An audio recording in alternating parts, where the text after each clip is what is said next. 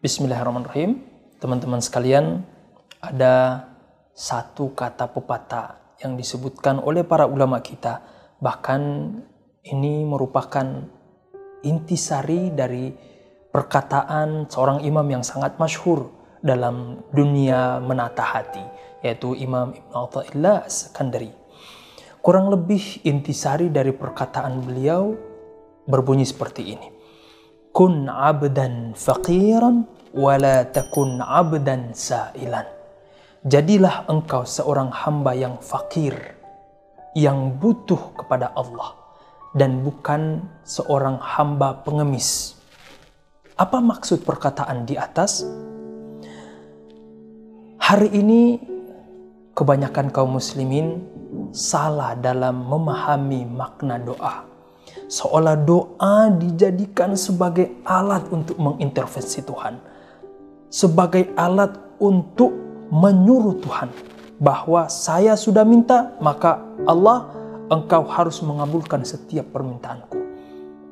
Padahal sejatinya wujud bentuk doa itu atau substansi dari doa itu bagaimana kita bisa menjadi seorang hamba. Karena penghambaan itu erat kaitannya dengan harapan kita kepada Allah Subhanahu wa taala. Maka orang yang berdoa sejatinya dia sedang berhamba atau menjadi hamba Allah Subhanahu wa taala.